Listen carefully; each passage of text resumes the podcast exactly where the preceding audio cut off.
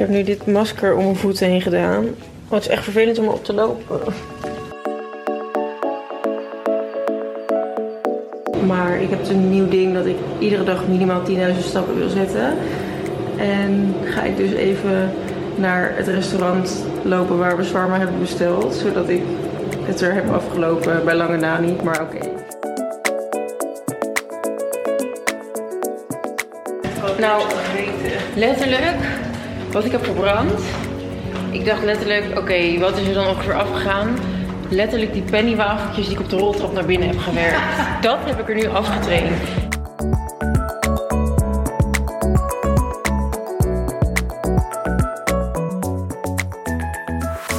Terwijl ik laatst een IKEA-kast in elkaar zette, kondigde Monica vanaf mijn computerscherm aan dat ze zichzelf ging trakteren op een voetenmasker.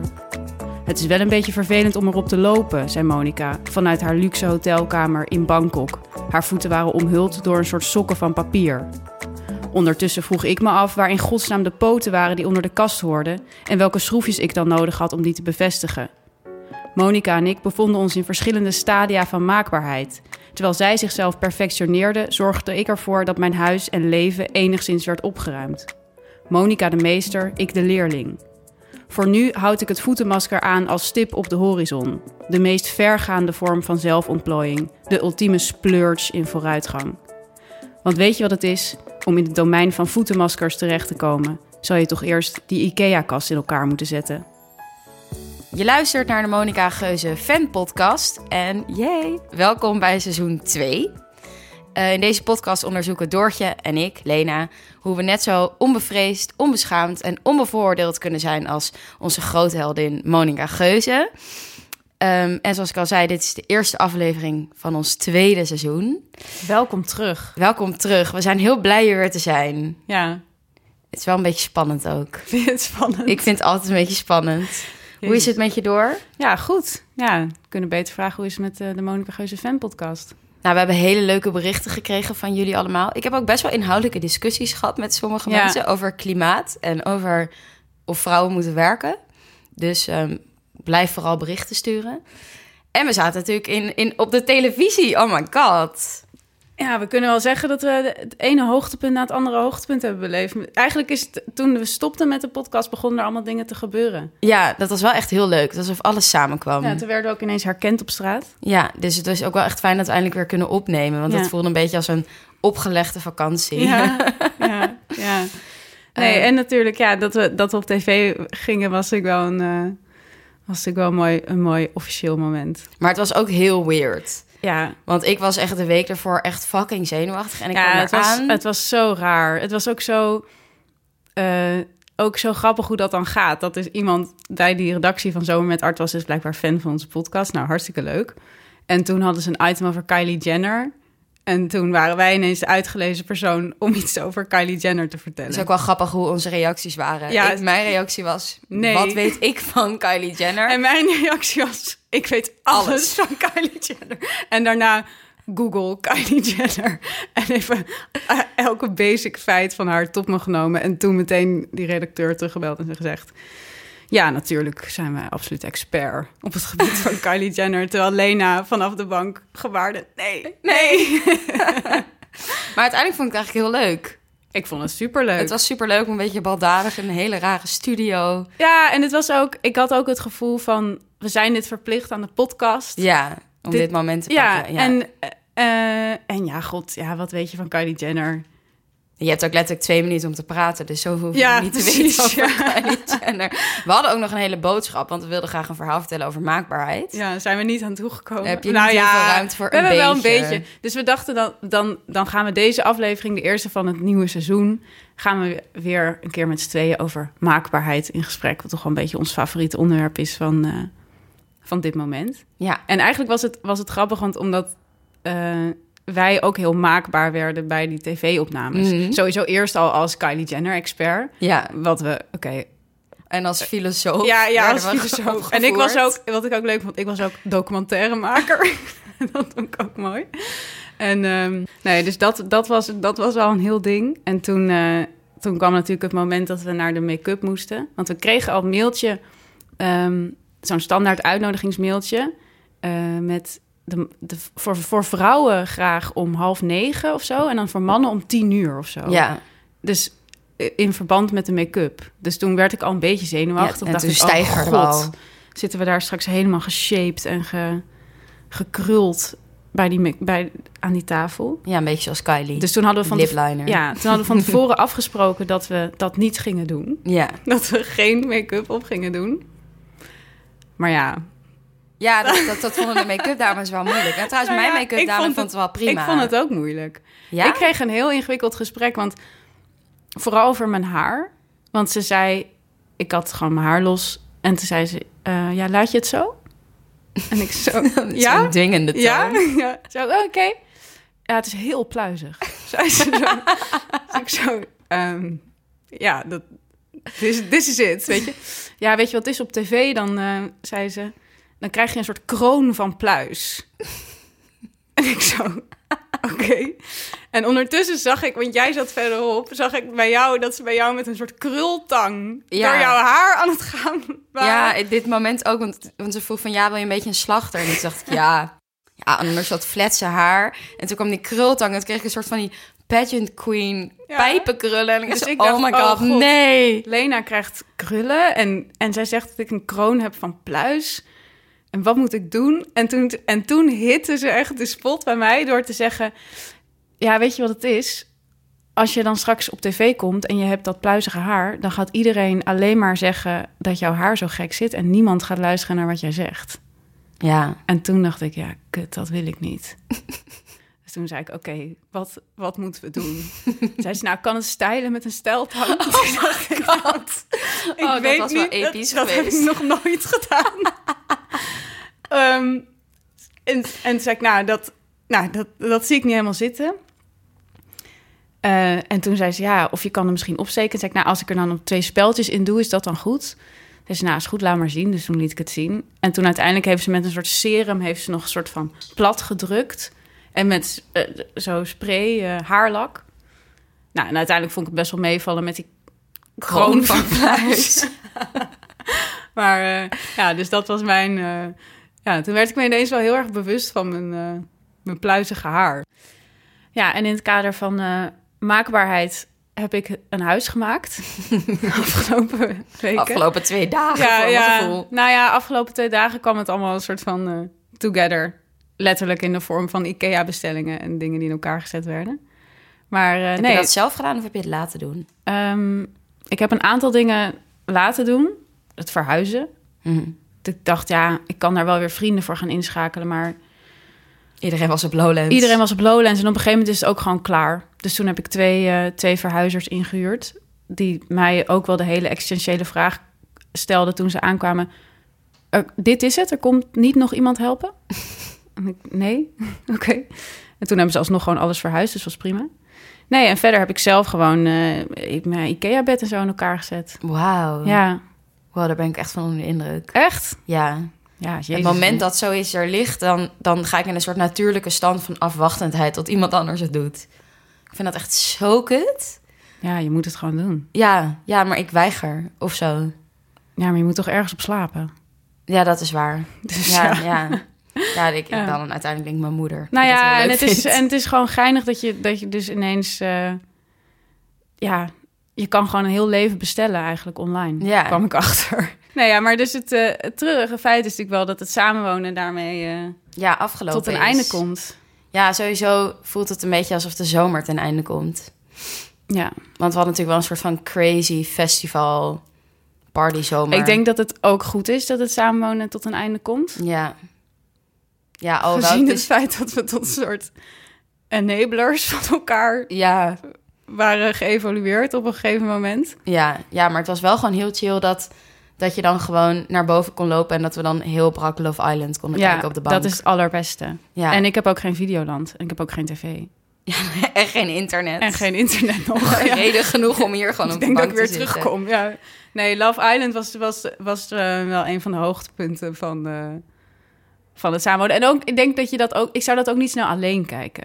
Ja, dat vind ik dus niet zo moeilijk. Als je alleen Love Island kijkt, ben je gewoon iemand die Love Island kijkt. Terwijl als je, als je met z'n tweeën, dan zit er nog een soort ironische distantie. Dan Ja, kan je ik- nog een opmerking maken. Ik vind die ironische distantie echt helemaal niet moeilijk om te overbruggen. Oh, oké.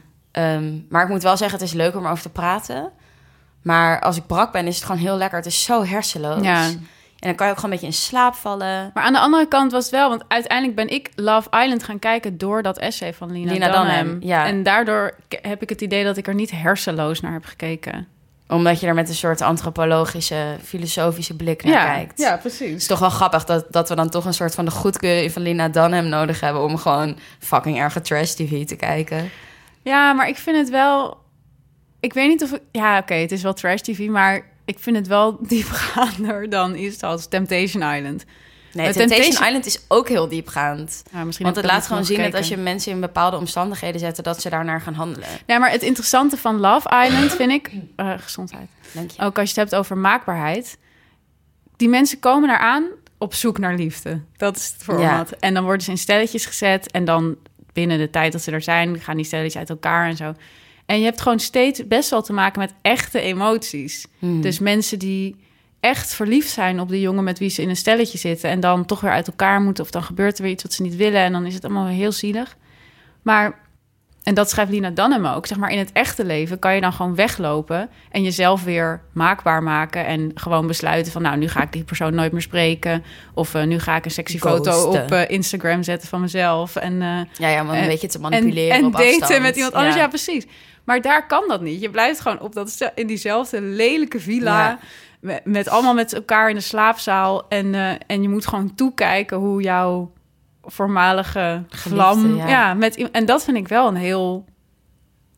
Ja, ik vind dat wel heel interessant. Ja, wat er dan gebeurt. Ja. Als je je niet kan verhullen. Ja, Of niet een scherm op kan zetten of zo. ja precies. Naar de ander. Als die ene meid dan zo heel erg moet huilen omdat ze denkt dat. eh, van een Nederlandse Temptation, toch? Ja, ja, ja, Of ja. eh, Love Island. sorry. ja, die met eh, dan die Martin is, weet je wel. Ja, ja, die echt naar het tweede. Ja, wat ik er ook interessant aan vind, is dat ik dus het idee heb dat die, eh, dat die mensen zich ook gaan gedragen naar het feit dat ze verliefd moeten zijn. Tuurlijk. Dus je wordt verliefd omdat je denkt: dit is een situatie waarin ik verliefd word. Ehm, dat doet me ook een beetje denken aan het programma Married at First Sight. Ja, sorry, lieve luisteraars. Je gaat nu echt merken dat ik elk slecht programma op Videoland heb gekeken. Maar die mensen worden dus Videoland zou ook een leuke sponsor zijn. Videoland is fantastisch. Ik vind het ook zo slim dat zij helemaal inzet op Nederlandse content. Ja. I love it. Eh, maar Merit at First Sight begint dat de kandidaten uitgehuwelijkd worden... naar aanleiding van de wetenschap. Dus de wetenschap heeft mensen gematcht. En je ziet gewoon dat mensen zich gaan gedragen zoals ze denken... dat je je moet gedragen op je huwelijksdag. Dus er is meteen zoveel betekenis en zoveel... eh, ja, mensen gaan ook echt romantisch in elkaars ogen Oh, kijken en zo. Interessant. Terwijl je iemand gewoon voor de eerste keer ziet. Ja, Ja. het is echt super boeiend. Oh, dat is wel interessant. Maar ja, dat, dat is eigenlijk het Eigenlijk voor, heb ik dat voor het eerst echt bewust gezien bij Expeditie Robinson. Weet ik Oh ja. Dat is ook zo, een beetje zo de e- Expeditie Robinsonisering van de tv of zo. Weet je, dat er gewoon bepaalde formats zijn en mensen kennen dat al zo goed dat ze zich Ja. Dus dat je bij Expeditie Robinson dan hebt dat die mensen... Nou, die zetten echt één seconde geleden voet aan wal op zo'n eiland. En dan hebben ze het al over eilandraad. eh, eh, wat is het? eh, illuminatie of ketting? Eliminatie. ik ben heel erg op de hoogte, door je ook niet. Eh, Immuniteitsketting. En, eh en eh, duivelseilanden zo. En dan zijn ze heel, helemaal gespannen. Terwijl ik denk, maar je bent er een half uur. Weet je wel, doe even rustig aan. Het is natuurlijk omdat ze... Ze weten hoe ze zich moeten gedragen in zo'n situatie. Ja. Dus gaan ze dat doen. En dat was... Ik, ik las een best wel interessant essay van eh, Pandora Sykes, weet je wel, van Heilo. Over, dat heet The Authentic Lie. En het gaat over authentiek zijn in tijden van het cureren van jezelf. En zij zei eigenlijk, ja, wij vinden reality tv zo interessant, omdat kijk, die mensen zijn fake of ze gedragen zich fake, maar wij zijn ook best wel fake. Wij cureren onszelf ook steeds en wij laten ook alleen maar een versie van onszelf zien die we willen dat mensen zien. En daarom vinden we het zo, vinden we reality tv nog steeds zo interessant, omdat we dan alsnog naar onszelf kijken, Ja, naar mensen die zichzelf beter voordoen als een ander. ja. En dat vind ik dus interessant aan Love Island, dat, dat je daar, dat wordt daar wel echt een beetje doorbroken, heb ik het idee. Ja, ja, omdat je dan dus niet de hele tussendoor aan het appen bent... en heel erg na aan het denken bent van... goh, hoe wil ik dat iemand mij ziet? Nou ja, omdat ze gewoon niet weg kunnen van die emoties. Ja, En ik, ik las een, eh, een, een best interessant artikel in eh Vrij Nederland van Kelly van der Waals over eh, Jennifer Aniston. Mhm. Dat zij, zeg maar, zij begon natuurlijk, zij werd mega bekend met Friends in de jaren 90, denk ik. Ja. Of begin ja, 2000. volgens mij Ja. 99. Nou ja, als een soort van de, de bubbly twintiger. Weet je wel, iedereen wilde dat haar met die highlights en dan laagjes of zo. En eh zo'n soort van super sexy meid. Gezondheid. Ja, ik ben ziek geweest, sorry. Ehm, en weet je, al- alle jongens wilden met haar zijn en alle vrouwen wilden er zijn. En eigenlijk heeft zij dat imago nooit losgelaten. Zij is gewoon altijd een soort van super jeugdige uitstraling, super strak, super fit. Of ze nou met Brad Pitt was of niet. Weet je wel, ze, zij is altijd een soort van eh, consequent gebleven in dat ideaal. En die Kelly be- beschreef dan ho- hoe dat haar tot een soort van idool maakt van deze tijd. Weet je wel, dat ze dat heeft kunnen behouden al die tijd.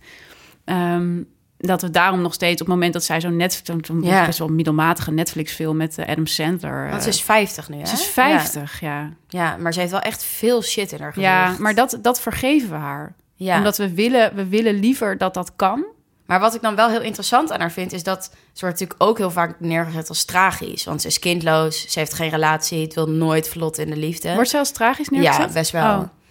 Ehm, en ze wordt ook altijd.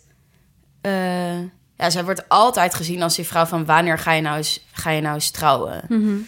Ehm, dus eigenlijk vind ik haar dan een heel goed voorbeeld. Van je kan het niet allemaal hebben. Je bent of moeder of je bent forever young. Maar dat komt helemaal niet aan het essay voor. Nee, dat komt niet in het essay Oh, voor. En, en op zich heb je natuurlijk wel ook gewoon mensen zoals Gwyneth Paltrow of zo. Die heeft wel gewoon kids.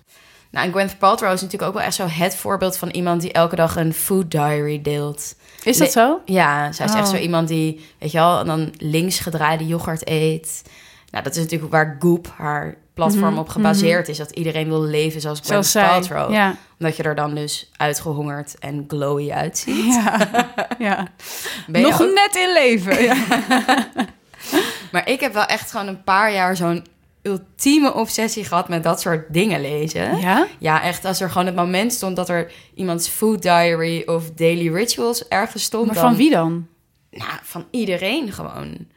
Ja, ik was daar zo, sowieso natuurlijk op Ik dat- zou die van Trump wel willen lezen.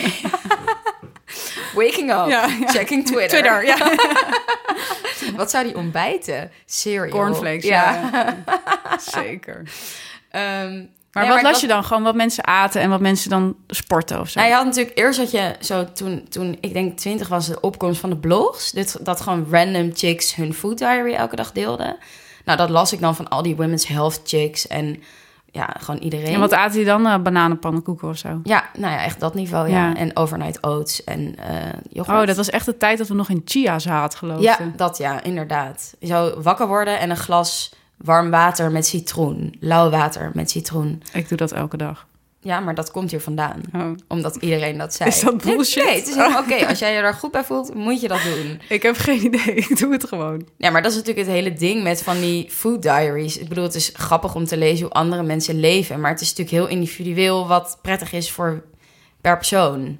Ja, maar het is natuurlijk heel fijn als iemand je vertelt... dit is wat je moet doen. Ja, ja dat, dat, ik denk dat ik, ik was gewoon twintig en op zoek van... Ja, god, ik woon nu op mezelf. Wat de fuck moet ik eten? Wat de fuck moet ik doen als ik wakker word? Ja, ja. Dus dan ga je kijken naar hoe andere mensen dat doet, doen. En volgens mij eh, hebben die bloggers dat overgenomen... van dat dat op een gegeven moment een trend werd in interviews. Dat interviews Ja, gingen vragen van... hoe ziet je dag eruit? Hoe begin je dag? net zoals bij Youssef en jij. Ja, precies. Zo die obsessie met ehm, dagelijkse rituelen. Je hebt ook zo'n boek Daily Rituals... en heb je de dagelijkse rituelen van schrijvers... die bijvoorbeeld elke dag, ik veel, een uur wandelen... voordat ze een uur voor zich uitstaren... en dan een uur met een Was dat dat waar- gaan schrijven. Ja, dat was waar dat artikel op BuzzFeed... Ja, Ja, op BuzzFeed stond Ja. een heel goed artikel over ehm, waarom we nou zo geobsedeerd zijn met die dagelijkse Ja. rituelen.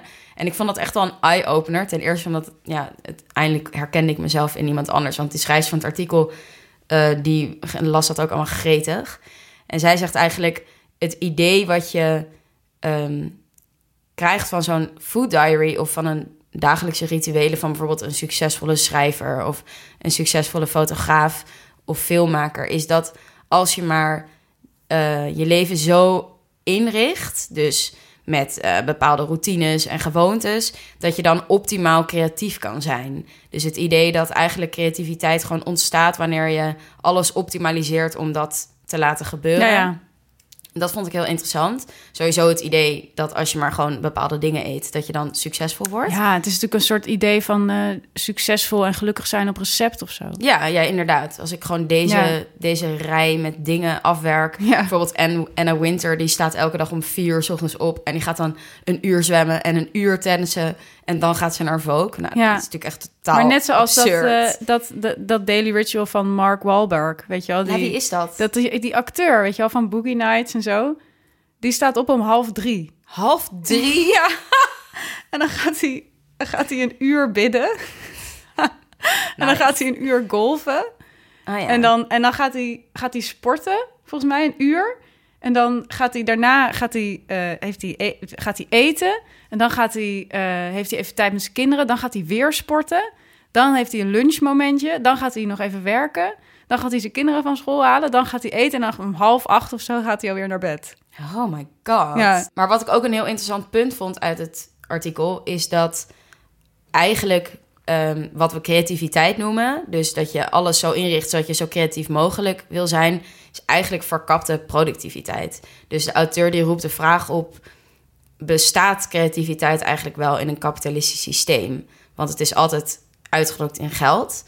Ehm, dus daar ben ik me iets meer in gaan verdiepen. Dus ik heb het boek Against Creativity van Oli Moult gekocht. En die pleit dus ook dat creativiteit eigenlijk een uitvinding, hoe we het nu gebruiken, een uitvinding is van het kapitalisme om gewoon mensen heel hard te laten werken.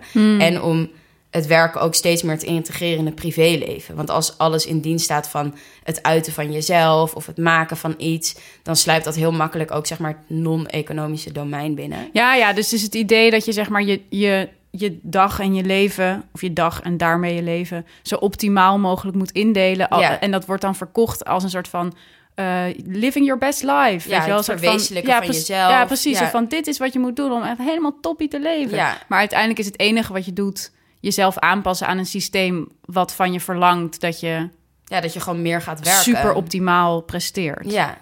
ja, inderdaad. Dat alles in dienst staat van je productiviteit. Ja, precies. Maar dat is net zoals wat eh, ik echt. Ik heb voor het eerst van mijn leven had ik een boek gepre-ordered Oh my god. van Gia Tolentino. Echt mijn, echt mijn favoriete auteur op dit moment. Zij schrijft voor de New Yorker en ze is echt super cool. Ik heb trouwens laatst ook haar eetdagboek gelezen. het was heel erg leuk. Ehm, maar zij schrijft een heel interessant essay in dat boek over... eh, het heet Always Be Optimizing. En het gaat over hoe vrouwen nu met hun lichaam bezig zijn en zo. En zij beschrijft eigenlijk hoe alles, alles wat verkocht wordt aan vrouwen... in de vorm van fitness en health... dus eh, saladebars, weet je wel, eh athleisure, zo'n bar, Bar, ja. klas, ja. Dat dat, weet je, het wordt aan je verkocht als in van als je dit doet, dan ben je optimaal, dan ben je fantastisch en, en, en eh, helemaal, eh, helemaal alles wat je, kan, wat je kan en wil zijn. Maar uiteindelijk is wat het is, zegt zij, is een ultieme manier om je aan te passen aan wat de neoliberale kapitalistische samenleving van je vraagt. Namelijk dat je eh, in 10 minuten eet. Eh, en dan ook nog gezond. Dat je, een, dat je je sportkleren al aan hebt. Dus dat je niet ook nog je hoeft om te kleden en naar huis hoeft te gaan om te douchen of zo. Dat je een workout doet waarbij je wel al je spieren traint, maar niet zweet. Zodat je daarna weer door kan werken. Weet je, dus het is allemaal heel erg gebaseerd op. Nou, Ja. ook allemaal in dienst van je productiviteit dus. Ja, en daarmee van de, van de samenleving. Ja. eigenlijk. Nou, dat, dat eetdagboek van Gia Tolentino was dus zo leuk, omdat heel vaak als ik zo'n dagboek lees, dan denk ik, Jezus Christus, weet je wel, je, je, je, je, schrijft, je, je schrijft een boek per jaar, dan heb je ook nog tijd elke dag om eh, een uur eh, te mediteren en eten te koken elke dag. En zo, het is allemaal zo heel perfect, weet je wel. Mm. Maar haar dagboek was gewoon En streng. heel streng, heel, heel, va- vaak heel erg met ja, bepaalde tijd waarop ze opstaan en naar bed gaan. Nou, daar kan ik me al niet in herkennen. Maar zij had gewoon een soort heel random... dat ze de ene avond eh, ging ze met vrienden eten... en dan uiteindelijk stond ze nog om drie uur karaoke te zingen... in een of andere vage tent. En dan had ze de volgende ochtend... oh kut, ik heb om negen uur een meeting, best wel belangrijk... en een interview. En dan eh, zeg maar, op de weg daarheen uh, ging ze dan langs een of andere hoddelkraam... en dan haalden ze daar nog snel ontbijt. En het was gewoon één aaneenschakeling van hele, hele willekeurige eetmomenten eigenlijk. Gewoon totaal niet, totaal niet gestructureerd en daardoor des te grappiger. En vooral de laatste zin was echt... eh, Vond ik echt heel mooi. Toen zei ze: I feel that right now I am bouncing between extremes of responsibility and irresponsibility, neither of which can last forever. But transience is what makes transient, transient things feel good. Ja, heel herkenbaar ook. Ja, mooi toch? Ja, en ik heb ook wel het idee dat dit verhaal, zeg maar, dit, deze daily rituals meer verteld worden. Zo ja, van mensen- zeker. Deze is van Grub Street. Dat is sowieso wel een leuke site. Wat voor site is dat? Het is, eh, het is van New York Magazine en het, het focust een beetje op eten. Dat is wel leuk. Want je hebt natuurlijk ook de cut, zo van how Ja. she get it done. En dan gaat het ook altijd over wat voor rituelen ze hebben. Ehm, en die zijn wel altijd heel gestructureerd. Ja, die zijn echt heftig, man. Heb je die gelezen van die vrouw die de kut heeft opgericht? Nee, wat doet zij? Nou ja, die begint om zes uur 's ochtends aan het koken voor het avondeten. oh my god. Voor de 35 kinderen of zo. Maar ik vind het wel grappig, want ik heb ook een beetje geprobeerd om dat hele het leven overkomt me schema aan te houden. En ja, voor mij werkt dat bijvoorbeeld echt totaal niet. Nee? Misschien ook omdat ik een wel vaste baan heb. Ja, Dus je hebt al een ritme waar je je toe moet verhouden. Dus ik dacht ook eh, op een donderdag van yes, de Japanner, yes, we gaan daarna nog Ja. even door naar de social. Daarna had ik wel gewoon echt de ergste dag van mijn leven op mijn werk. ja. Waarbij iedereen aan me vroeg, wow, je hebt echt Gaat een heel het? rood hoofd. Wat heb jij? Ik was ook alleen maar aan het niezen en aan het hoesten. En de dag erna was ik ziek. Daarna werd je ziek. Ja. Dus ik wil ook maar zeggen dat eh, wat voor de een werkt, werkt niet voor de ander. Nou ja, en het idee ja. dat zo'n dagboek uitstraalt is natuurlijk dat een bepaalde wetmatigheid voor iedereen zou kunnen werken. En dat nou is ja, ik vond, ik vond zelf wel dat ze zei van... Hè, eh, bouncing between responsibility Mhm. en irresponsibility. Dat heb ik echt. En ik, ik heb ook het gevoel dat dat een beetje is wat 27 zijn is. Ja, En dat, dat voel ik wel heel erg nu. Ook met, dat, met dat, dat huis, dat ik dan daar allemaal keuzes voor moet maken. En daar moest dan een vloer in. En toen had ik geregeld dat die vloer zou komen. En toen, maar toen ging ik la- last minute toch nog naar een festival die dag. En uiteindelijk eindigde dat erin dat ik die mannen... Eh, dat ik even snel langs mijn huis fiets om die mannen in cash te betalen. En ze meteen ook maar de sleutel van mijn huis te geven. Want ik dacht van, ik wil niet later nog hier langs moeten om de deur op slot te doen. Toen fiets ik weg, dacht ik, oké, die mannen zijn nu in mijn huis... de vloer aan het leggen met heel veel cash en de sleutel van mijn huis. Hmm. Ja, gewoon maar niet te lang over nadenken en dan gewoon door. En, Ja, dan, ja, en toen vroeg ik me ook af, ben ik nou heel, eh, heel volwassen of heel onvolwassen? ja allebei. Ik denk Ja, dat, dat je dat tegelijk. heel goed doet. Ja. Tegelijk. Nou, ik vind dat best wel moeilijk. Zo van, ik, Jij bent de ene dag de ene, de andere dag de andere. ja, ik ben best wel gewoon Jij bent na, zwart-wit. na zessen ben je iemand anders. Dat vind ik trouwens ook, dat vond ik ook toen ik al totaal geobsedeerd was met al die Fit Girls Food Diaries. Zo heerlijk aan Monica's eetschema. Want die wordt gewoon wakker en die pakt dan een grote witte boterham en doet er Oh. volgens mij jam en vruchthagel Ja. op. En drinkt een En Red Bull. Red Bull. Ja. dat is gewoon zo chill. Dat vind ik echt zo vies, Red Bull. Ja, dat is wel echt heel goed. Ik Heb zou het wel willen heb ik nog drinken. gedronken. Ik zou het Echt willen drinken als een soort lifestyle keus, maar ik, Ja, ik kom daar niet doorheen. Gewoon omdat het heel ongezond is. Nou, gewoon als een soort religie. Oké. nou, ik vind het wel heftig om nu te merken dat Monica ook zo ontzettend berekenend is met haar gewicht. Is dat zo? Ja, dus Nou, dat ze met, eh met Danique, dat ze in, in Bangkok, dat ze dan ja. friet naar binnen hadden gewerkt en daarna nog op die loopband Ja, dan gaan ze gewoon om 11 uur op de loopband staan om het er weer af te werken. Ja, oké, maar, ja, Ja, ja, maar dat doen balans. ze nu de hele tijd. Ja, balans. Dat is ook een soort rekensom. Zo van, oké, je telt de calorieën en nu ga je die calorieën er afwerken. Ja, Ik vind dat toch... maar ja, beter dan dat ze alleen maar op die loopband staan. Doe het dan maar omdat je friet hebt gegeten of zo. Ja? Nou ja, kijk, beter... Nee, beter helemaal niet op die loopband en alleen maar friet eten. Maar als je, als je dat op die manier dan een beetje kan doen, ja, maakt het dan uit. Nou ja, ja, en misschien is dat omdat ik daar zelf best wel in doorgeslagen ben... is dat dat hele tellen en berekenen, Ja. dat zou ik gewoon niet doen. Nee, dat is ook stom, ja. Ehm, zo van, ja, waarom focus op 10.000 stappen zetten... terwijl je ook gewoon kan nadenken van... goh, heb ik een beetje bewogen vandaag? Ik Ja. heb mijn Fitbit ook weer afgedaan. Ik- Echt? ja, ik kan er echt ik kan er niet meer Wow. Leen, wat een stap. Ja, ik ben dan de hele dag rekensommen in mijn hoofd aan het maken. Dat is zo vermoeiend. Ja, dat is wel stom. Krijg ik ook echt de meeste reacties op met de aflevering met Jet. Dat heel veel meisjes dat herkennen. Oh ja? Ja, wat wel fijn Terwijl is dat eigenlijk ik niet jij, jij nu al helemaal niet meer zo bent. Ja, maar ik, bijvoorbeeld door die Fitbit ben ik toch onbewust rekensommen aan het maken. Ja, ja, Dus ja. van, oh, ik heb vandaag heel veel bewogen, dus dit. Of, Ja, of niet. ja. Ja. Ehm, en dat is gewoon niet chill. Of ook bijvoorbeeld dat je kan zien hoeveel je geslapen hebt. Dat je gaat denken van, oh ja, ik heb zeven uur geslapen, maar ik voel me niet moe, maar misschien ga ik me nog moe voelen. Maar dat is ook raar. Dat is ook een soort vorm van. Dat is een soort vorm van omgekeerde maakbaarheid. Dat je dan ziet hoeveel je geslapen hebt. Terwijl je misschien je best oké Ja. hebt, maar je zegt van... oh, ik heb maar vijf uur geslapen, dus... Nou ja, je Zal wel niks niet meer op, op je lichaam, Nee. maar alleen maar op een getal. En daar word ik gewoon ja, best wel obsessed en, en ongelukkig van. Dus ik ben er weer mee gestopt. Ik ben benieuwd hoe het uitpakt. Want ik merk wel, het is echt zo neurotisch. Ik kan er gewoon niet zonder. Het is gewoon houvast. Zonder zo'n Fitbit. Ja, dat je gewoon getallen hebt. En een prestatie elke dag. Vind ik zo sick om bij mezelf te merken. Van, Maar oh ja, wat is dan de prestatie? 10.000 stappen. Ja, eigenlijk wil ik daar overheen. Makkelijk. Jezus, dan Ja. moet je echt marcheren. Nou ja, dan, je hebt gewoon elke dag een Ik soort ben, van nu meer, aftikt. ik ben nu meer in die periode dat ik dan even een paar, een paar Marlboro Lights rook... en daarna een paar jumping jacks doe. Oh, dat is echt all the way. Nou, zie je, jij hebt echt je balans gewoon helemaal op orde. Nee, echt helemaal niet. Oh, dus, komt het wel over. Misschien moet, misschien moet je ook een food diary maken. Gewoon voor Nee, mij. Dat zou echt Zodat- schokkend zijn. een halve pizza. Ja, ja. Echt heel schokkend. Oké, genoeg over de daily rituals. Ja. Want we hebben ook nog een andere obsessie. Ja, En dat zijn karaktertesten. vergaande obsessie met Myers-Briggs. Ja, Ik heb weet- een haat-liefde verhouding met Myers-Briggs. Even voor de luisteraar die het niet kent. Dat is een, het is een lettercode die je krijgt. En dat wordt gekoppeld aan een karaktertype. Ehm, ja, en het is echt... Ik, ik, ik kan er zoveel gedachten aan wijden. Ehm, maar misschien eerst, Doortje, durf jij te vertellen welk karaktertype je bent? Nee, nog niet. Oké. Vertel jij eerst maar. Nou, mijn kara- karaktertype heet INTJ. Wat staat voor de architect. Nou, ik ben echt totaal... Waar staat INTJ voor? Introvert. Ja, analytisch, eh, judging en ja, we moeten dit even opzoeken. Ehm, ik ben het al aan het opzoeken. Voor mijn eigen al.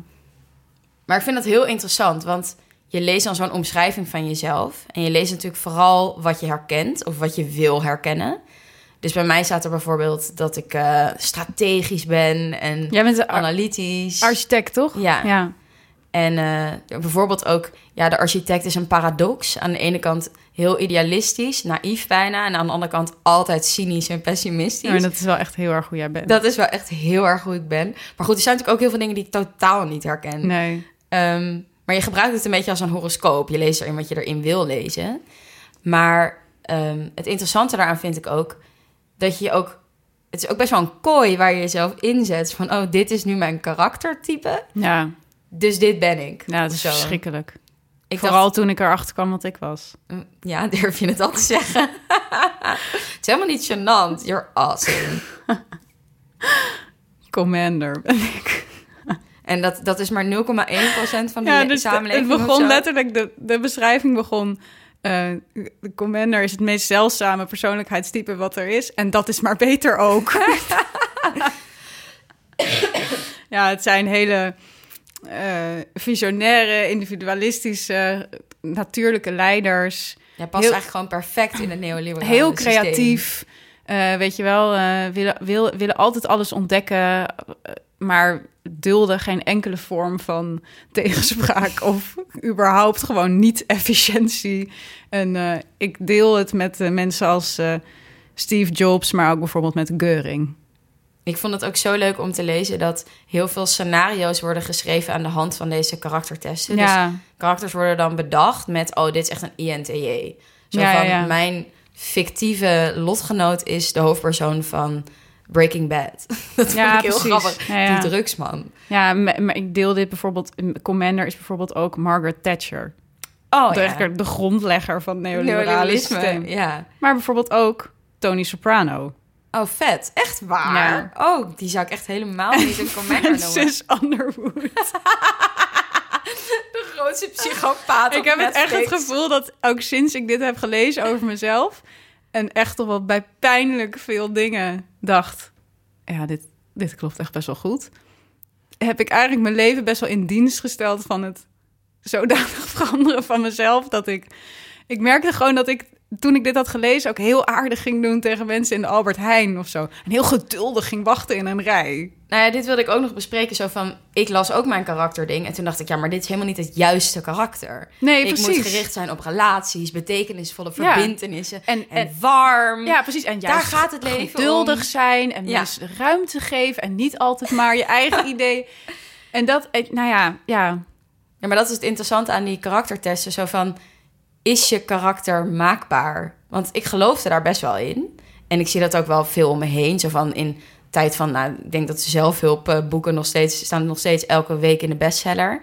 Dat mensen toch wel lezen van ja, oké, een goed leven betekent dat je dankbaarheid beoefent. Ja. En dat je eh, je richt op je geliefde, want dat is wat een waardevol leven maakt. En dat ik mensen om me heen zie die best wel kunstmatig complimenten geven of soort van random acts of kindness doen, Ja. omdat dat dan een betekenisvol leven geeft.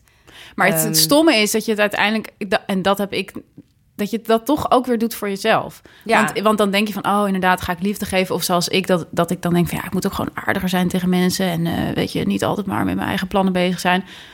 Eh, Totdat ik daar te druk voor ben. En dan denk ik, ja, oké jongens, sorry hoor, maar ik moet nu even dit doen. Ja, dus als je bijvoorbeeld de kant er even bij pakt, die zou Laten zeggen, we Kant er even bij pakken. Die zou zeggen, dat is niet moreel. Omdat je intentie niet is dat je aardig wil zijn. Nee. Omwille van het aardig zijn. Maar dat je aardig bent omdat je denkt... Oh, dit geeft mij een zinvol leven. Het is precies, het is stappen zetten voor je stappenteller. Maar, Ja. dan, maar dan je Maar dan- persoonlijkheid ja. aanpassen voor je Myers-Briggs. Ja, zo van...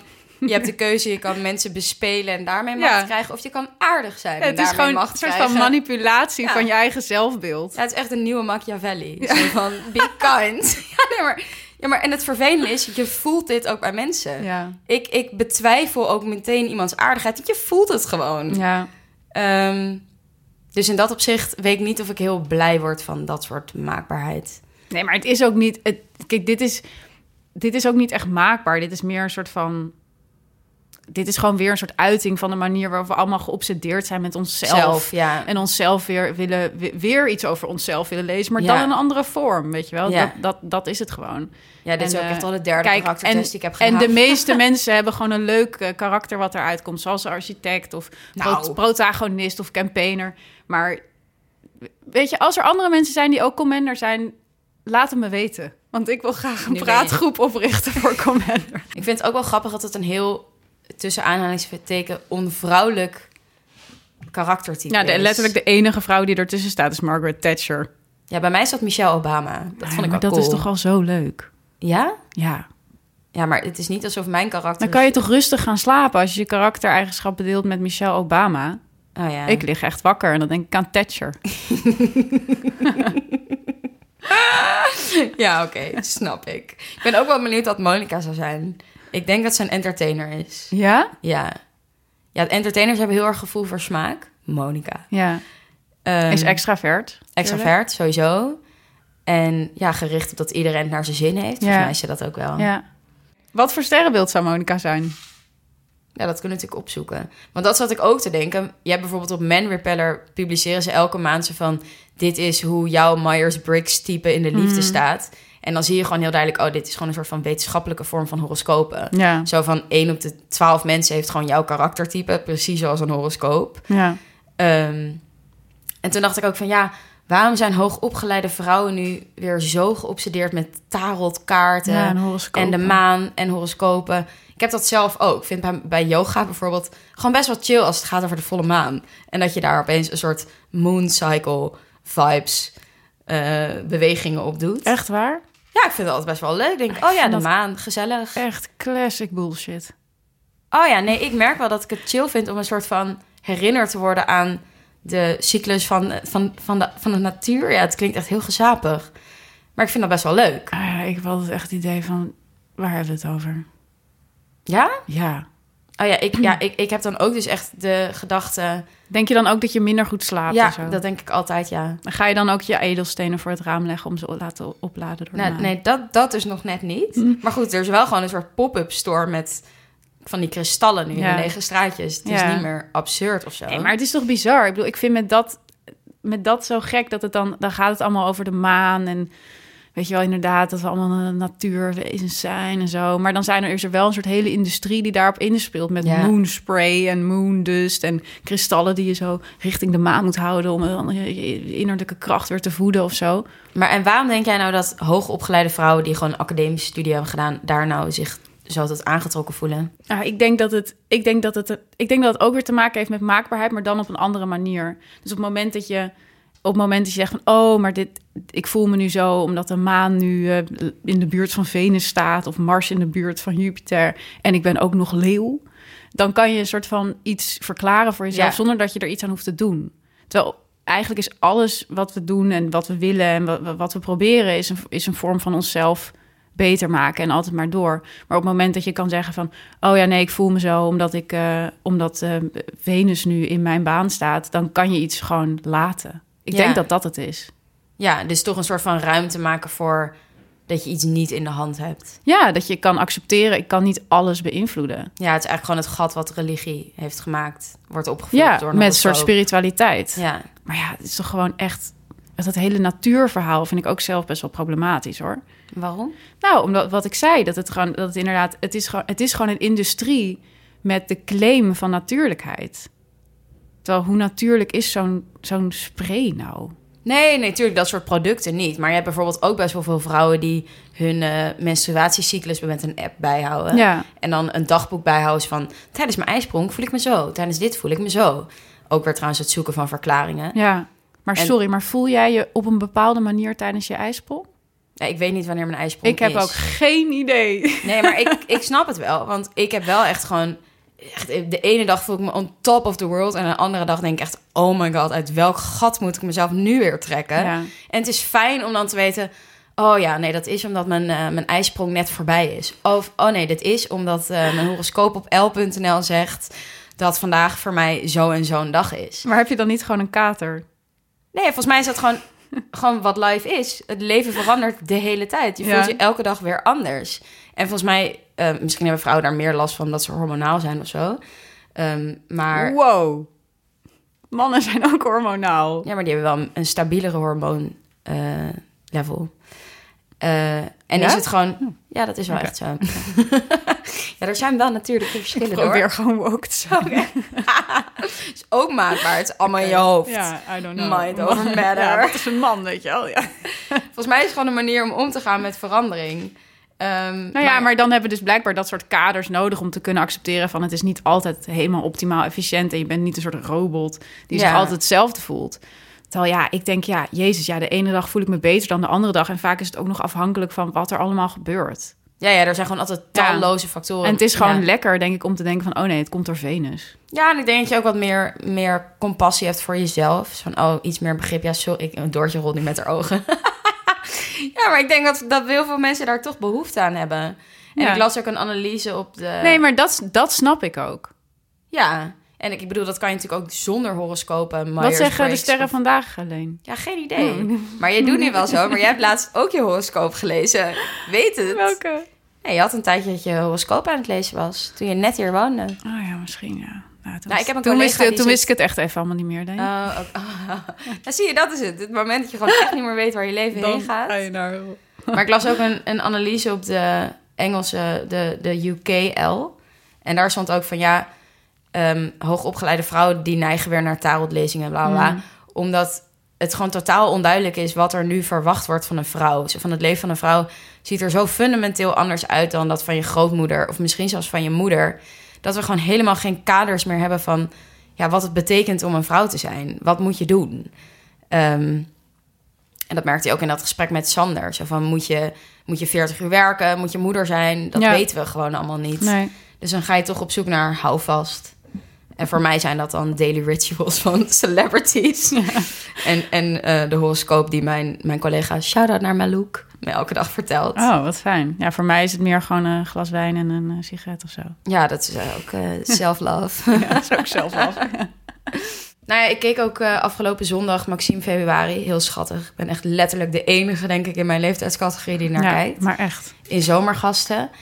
Ik zou het echt iedereen aanraden om het terug te kijken. Ik Oké. heb echt met drie uur gewoon totaal geïnspireerd Oh, wat achter goed. de televisie gezeten.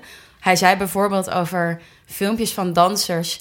Dit zijn mijn kattenfilmpjes. Gewoon spelende mensen. Ik werd echt... Oh. Nou, het was echt... Hij is echt hartverwarmend. Oh, wat leuk. Maar hij had ook een heel interessant inzicht dat echt heel voor de hand ligt. Maar ik vond het toch heel vet dat hij iets zei. Dat hij zei, ja, eigenlijk is de mens tussen een dier en een ding in. En dat is niet iets wat nu met opkomst van technologie zo is. Maar dat was al zo toen we zeg maar holbewoners waren en een, en een, eh, een, een bel maakten. Zo van vanaf het begin van de mensheid hebben we al tools, gereedschappen om eh, als verlengstuk van onszelf. En toen dacht ik, ja, als je het zo bekijkt, is eigenlijk maakbaarheid een heel essentieel onderdeel van mens zijn. We zijn altijd gedeeltelijk maakbaar. Hij vergeleek het ook met de mens is eigenlijk het enige dier dat zijn ingewanden, dus ons gereedschap, extern heeft gemaakt. Want we zijn letterlijk totaal afhankelijk van al die gereedschappen. Ik bedoel, wij kunnen niet eens een, denk ik, vuur maken zonder Aansteker. zonder aansteker of whatever. Of zonder, zonder Uber iets kunnen we niet eten, zeg maar. dus niet waar hoor, we houden heel erg van koken. Ehm, maar ik vond dat een heel interessant inzet. Ik dacht, ja, ik kan me wel heel erg verzetten tegen dat maakbaar. Ja. Maar het is ook echt inherent menselijk. En ehm, je hebt natuurlijk altijd al een strijd tussen natuur en technologie. Want mensen zijn altijd bang geweest voor technologie. Ze zijn altijd bang dat de robots ons overnemen. En dan krijg je altijd weer zo'n romantische terugkeer naar de, naar de natuur. En nu zijn we op een punt dat de natuur letterlijk het lijkt over te nemen. Klimaatverandering en gedoe Mhm. moeten we ook nog maar bezien. Mhm. Ehm, maar ik vond het heel grappig, want als je door mijn Instagram-feed scrolt, dan zie je letterlijk die strijd. Zo van aan de ene kant heb je Kim Kardashian die verkoopt van hier heb je een lolly en als je die eet word je dun. En ze ziet er letterlijk uit als een robot. Mhm. En aan de andere kant heb je allemaal van die ja, groene moeder-influencers die elke dag dansen op de maan en hun placenta opeten en Ja. alleen maar eh, groene sappen drinken. Maar ja, dat is natuurlijk het grappige met maakbaarheid in deze tijd. Want ook, ook die moeders, weet je, doen wat ze doen. Met, ook met het idee dat het op Instagram gaat. ja, dus waar. technologie vormt zeker die laag van, van, van sociale media en die extreme zichtbaarheid. Vormt wel een nieuwe, een nieuwe laag in maakbaarheid. Die, Ja. die, ja, die wel zorgt dat je weer op een andere manier naar jezelf kijkt. En ook weer nog veel meer met de ogen van anderen. En dat Ja. schrijft ook die, die, dat vond ik heel leuk in dat boek van die Gia Tolentino. Eh, die sowieso, is echt heel grappig, eh, essay ook over huwelijken. En dat zij is 30 en zij is naar 46 huwelijken geweest. Oh in haar ik, ik hoop dat ik naar een huwelijk ga in mijn Precies, leven. Ik ben naar drie huwelijken geweest. Ik nog En nooit. nou, mensen nodig Nodig uit. uit. Ik wil mijn jurk aan. Ja, en, eh, maar wat, wat zij beschrijft, en dat, dat denk ik ook echt... en dat, dat voel ik ook als ik zelf op een huwelijk ben... een huwelijk is gewoon het meest maakbare moment... waarschijnlijk wat je ooit in je leven gaat hebben... als jonge vrouw in de 21ste eeuw. Weet je, je bent een jaar van tevoren bezig met plannen... met, nou, vaak volgens mij ook met diëten... en een jurk eh, Ja. kopen en eh, kaartjes kopen... en cakejes uitzoeken met Heel je naam erop. ook. Ja, het is heel erg met het doel van dat ene maakbare, zichtbare moment. Ja. En dat is ook waardoor die bruiloft... bedoel, Weet je hoe duur een bruiloftsfotograaf is? Die pakt gewoon rustig 3000 euro voor een dag. Holy shit. Ja, en dat is natuurlijk gewoon alleen maar omdat dat plaatje moet perfect. Mhm. Dat, er is Daar mag je ook geen zoveel... foto's maken. Zoveel, nee, je, Ja. daar is zoveel op geanticipeerd en op voorbereid... als dat niet perfect is. Ja, we moeten ook echt een keer een aflevering maken over trouwen met een wedding planner. Dat lijkt me echt heel vet. Dus luisteraars, ken je een wedding planner? Het lijkt Laat me ofwel weten. heel vet, ofwel heel treurig. Ja, het zou leuk zijn als iemand een beetje gevoel voor humor en eh, een beetje Misschien een wedding planner die nu scheidingsadvocaat is. Dat lijkt me wel leuk. Oh, dat would be perfect. Als die persoon luistert, meld je aan. Ja, ik, dit, dit sluit niet helemaal aan op wat je vertelde, maar ik wil het gewoon wel heel graag delen met de luisteraars. Namelijk, afgelopen week werd het persbericht eruit gezonden dat de bedenker van de Gender Review Party zelf teruggekomen is van het concept Gender Review Party, want haar kind is non-binair. Ja. Dus zij was de eerste die een Gender Review Party gaf, dus dat je onthult wat het geslacht is van je kind. Ja. Ten overstaan van al je geliefdes met een taart die dan van de binnenkant roze is. Of Ja. een piñata waar dan roze snoep uitvalt. Maar ik vond dat gewoon zo top van ironisch internet. Dat dan acht jaar geleden een vrouw dacht, ik bedenk dat. Maar en heeft dat zij ze nu zo'n ook woke kind Een, heeft. een businessmodel daaromheen gecreëerd zelf? Nee, ze heeft het echt toevallig heeft als het eerste gedaan. Oh, Oké. Maar nu is ze dus overal in de media aan het vertellen dat ze tegen het idee Oh is. mijn god. En de vraag is natuurlijk ook nog... heeft dat effect gehad op het kind? Kind, ja, ja, misschien heeft dat kind zich Ja. wel tegen In de buik heeft ja. hij al gevoeld van... ik wil niet dit. Ja. Ja, ook heel maakbaar. Ja, ja, het is gewoon een super maakbaar kind. Ja, ik vond het wel echt heel grappig. Ehm, maar goed, dan komen we nu denk ik op de hamvraag. En dat is... Zijn wij maakbaar? Is ons karakter maakbaar? Geloven we in maakbaarheid? Ja, enerzijds wel, anderzijds niet. Ik geloof, ik geloof wel veel meer in maakbaarheid van het leven... sinds ik zelf mijn IKEA-bed in elkaar heb gezet... en mijn vloer eh, Hoe je het heb inricht? betaald. Nou ja, dat, dat je gewoon altijd weer opnieuw kan beginnen. Ja, mensen zijn gewoon heel weerbaar. Ja, Ja. en je bent zoveel flexibeler dan je denkt. Ja, Zoveel meer, ja, zoveel veranderlijker. ja.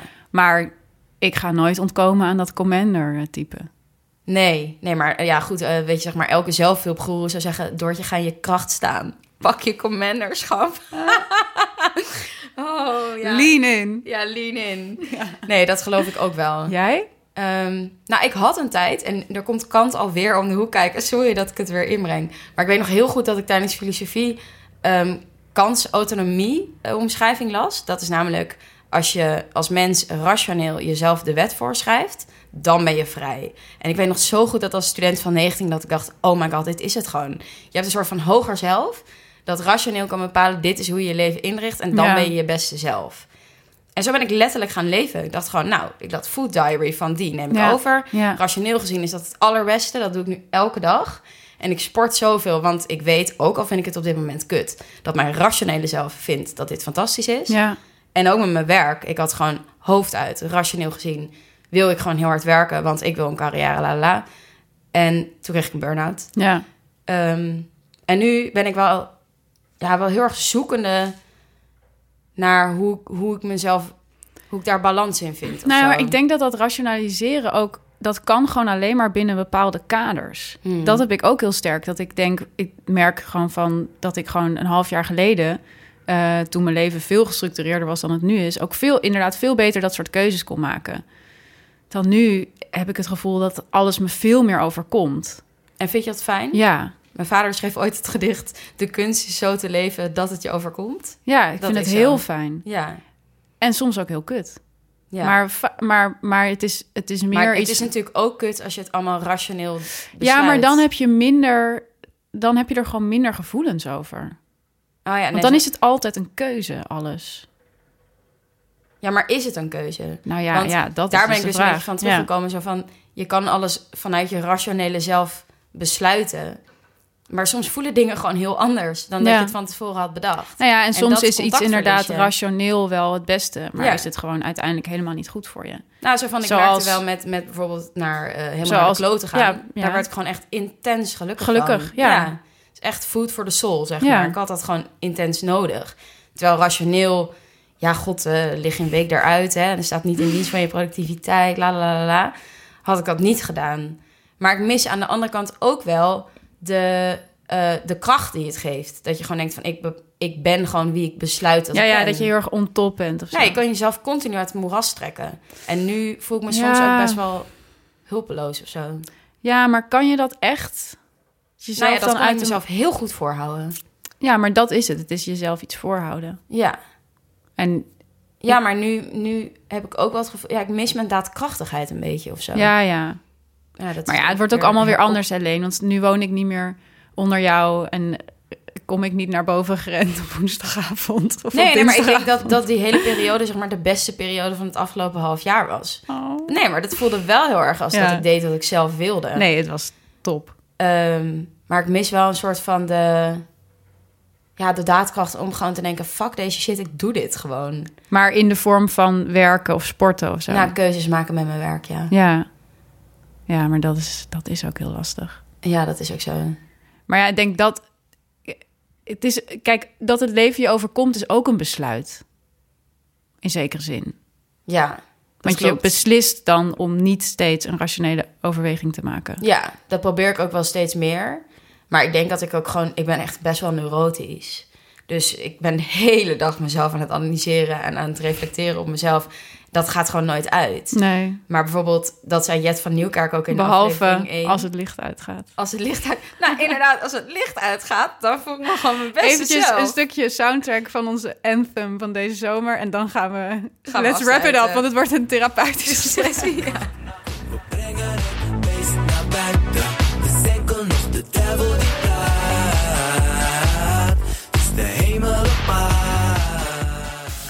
Oké, lieve luisteraars, nu hebben eh, onze afsluiters terug van weg geweest. De Monica Geuze Fan Award. Ehm, waarbij wij Instagram-accounts tippen waar je blij van wordt, waar In je de praktijk, jij. In de praktijk. Nee, jij hebt ook een keer Ik heb één keer ingetipt, ja. Ja. Eh, die gewoon gezellig zijn, leuk zijn, leerzaam of nou, whatever. En deze week ehm, op MemRepeller werden er vijf comedian Instagram-accounts getipt. Die allemaal best wel leuk zijn. Ik heb mijn favoriet uitgekozen. Ik heb geen idee hoe ik dit uitspreek. At the real Genevieve, Genevieve Doe. Geneviève. Geneviève. en ze heeft echt een goede beginner. Is een filmpje, ik zal het linken in de show notes. Waarin ze een beautyvlogger nadoet. En het is echt heel grappig. Ja, wat dan? Ja, dat moet ik niet verklappen. Oh, Maar ze, zelf gaat, ze snapt sowieso gewoon alle trucjes van een beautyvlogger. Waaronder zo van je hand achter het make-up ding Nou ja, zodat het scherp. Ja. Echt heel grappig. En dat is ook een bruggetje naar volg ons vooral op Instagram. Want daar delen we dus onze foto's, ons live. Ja. Super gezellig. En sowieso meer. We gaan meer delen dit seizoen. Nog meer. nou, en we DM'en er heel veel. Wat Ja. echt heel gezellig is. Heerlijk. Als ik me niet goed voel, dat het, dan ga ik even naar de DM's van de Monica Geuze Fan Podcast Instagram. En dan staan er altijd weer zoveel lieve berichten dat ik denk, waar Nou, maak ik me druk over? Kritische berichten. Dat ja, vind ik ook en, maar dat leuk. vind ik ook heel leuk. Ja. Gewoon, we hebben echt fucking slimme luisteraars Ja. met hele goede ideeën. Love Dus- you all. Love you all. Voel je vooral niet eh, verhinderd om iets eh, te delen met ons. En dan eh, vind je onze podcast echt leuk. Dat zouden wij natuurlijk heel leuk vinden. Vertel het dan aan je vriendin, je vriendje, je tante, je Ja. collega's. Geef likes. Want op die manier krijgen we meer luisteraars. En Geef dat zouden we sterren. super leuk vinden. Yes, dat was hem. Woe, we zijn Woe, terug. We zijn terug. Tot volgende keer. Tot de volgende keer. Doei. Doei.